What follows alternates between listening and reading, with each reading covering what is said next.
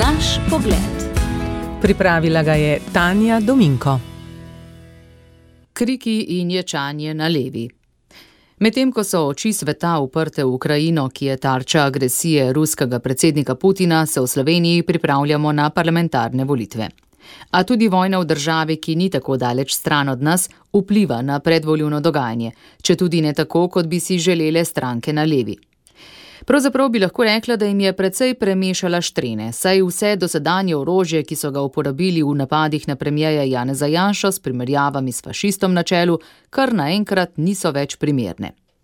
Kaj pomeni fašizem, kaj pomeni totalitarni režim, se namreč zdaj še jasneje kaže tudi vsem tistim, ki jim je zgodovinski spomin ponagajal ali pa so bili v času komunizma pri nas na pravi strani in se jim sanjalo ni, kaj se dogaja drugače mislečim. V Rusiji je tak režim zdaj zažarel v vsej svoji kruti resničnosti. Ljudje nimajo pravice do javnega izražanja in protestiranja. Tudi o tem, kaj dejansko pomeni omejevanje novinarske svobode, smo se lahko prepričali iz prve roke prek dopisnice RTV Slovenija. Vidimo, kaj pomeni osamitev države na mednarodnem prizorišču, če jo vodijo ljudje, ki jim je mar le zase, ki jim pogled na trupla, na zapore, na sirotišnice niti malo ne omaja srca. In še zdaleč ne gre le za to, da obsojamo enega samega voditelja, pač pa gre tudi za to, da je treba odrezati vso podporo, da je treba obsoditi vse somišljenike, vse tiste, ki so se okoristili s tem režimom in ki so še danes ponosni na svoje vezi z njim. Tudi taki so, a svojega stališča ne izražajo javno, poskrili so se in trpijo, saj ne vedo, kaj se bo iz te vojne izcimilo, kako bo ta udarec preneslo njihovo premoženje. Pomembno je, da si nalijemo čistega vina, da vemo, kdo je na strani žrtev in kdo na strani agresorja. In če imamo tudi v Sloveniji še vedno ljudi, ki ljubosumno čuvajo odlikovanja, ki jim jih je ta režim namenil, bi javnost morala to kritično ovrednotiti. Kaj namreč pomeni, če si somišljenik Putina, če podpiraš njegove metode, če se strinjaš z njegovo invazijo na sosedno demokratično državo, če ne vidiš nič slabega v pobijanju civilistov in obvladovanju medijev in prebivalstva nasploh? To pomeni, da imaš napačne zglede. Take voditelje smo že imeli in to niso bili demokratični časi. Veliko prelitega črnila je bilo ob obisku premijeja Janeza Janša v Ukrajini. Ali je bil obisk sklejen z Brusljem, ali je bil potreben, ali je bil tvegan, ali je imel podporo svoje vlade, ali je šlo za nabiranje notranje političnih točk. Koliko hrupa po nepotrebnem in koliko napačnih vprašanj. Sporočilo obiska je sila preprosto, Ukrajina ga je razumela in to je najpomembnejše.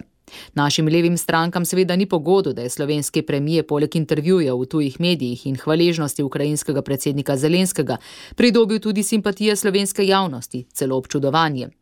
Ni jim pogodo, da kot obramboslovec in kot minister za obrambo v času osamosvojitvene vojne ve, kaj pomeni napad in tudi, kaj pomeni varovati svoje vrednote in kaj pomeni, če ti ob strani stoji mednarodna skupnost. Naše leve stranke bi se namesto tega raje ukvarjale s plačami in sindikati, pa tudi z obtožbami na račun upravljanja epidemije, pri čemer bi krivdo za vse smrtne žrtve epidemije pripisale kar vladi. Panika je precejšnja, to moramo priznati. Kričijo v RTV-ju, čež da se dogaja pogrom nad informativnim programom, čeprav gledalci še zdaleč nimamo občutka, da bi bili novinari naklonjeni premijeju in njegovi stranki. Kriči Branimir Štrukel, ki novinarje vsak drugi dan bombardira z novinarskimi konferencami, napoveduje novo stavko z argumenti, da ga ministrstvo ne posluša, medtem ko medijev na pogajanjih z ministrstvom ni hotel.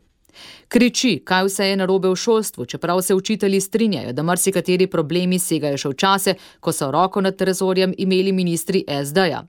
Po drugi strani pa, če se sprehodimo po kadrih na nekaterih ključnih fakultetah, kot so FDV, ekonomska fakulteta in filozofska fakulteta, najdemo tam celo množico profesorjev, ki so se s politiko v preteklosti že pečali in je njihova zlizanost z levimi strankami pričakovana.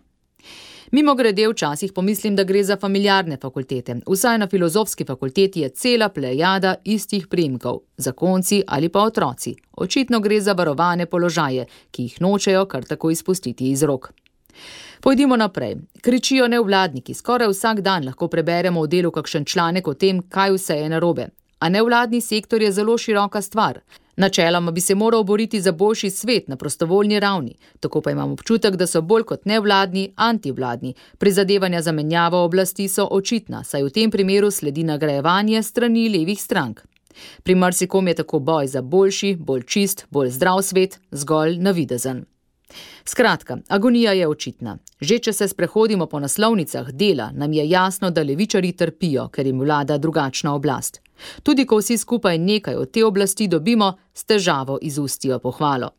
Ne boste namreč našli pozitivne besede na račun turističnih bonov, energetskih bonov, dodatkov izplačanih v času epidemije. Večinoma v njih iščejo dlako v jajcu. Komaj se najde kak članek, ki potrdi, da je smer ukrepov prava, če morda nimo pritrjujejo ekonomisti. In potem nas težko prepričajo, da živimo v državi, kjer je medijska svoboda okrnjena, kjer novinari težko opravljamo svoje delo. Moje delo je moja stvar. Če pa na realnost gledam drugače kot nek novinar dela ali RTV-ja, pa to ne pomeni, da imamo prane možgane. Ampak pomeni, da imajo številni z rdečim pralnim strojem mnogo več izkušenj. Naš pogled sem pripravila Tanja Dominko.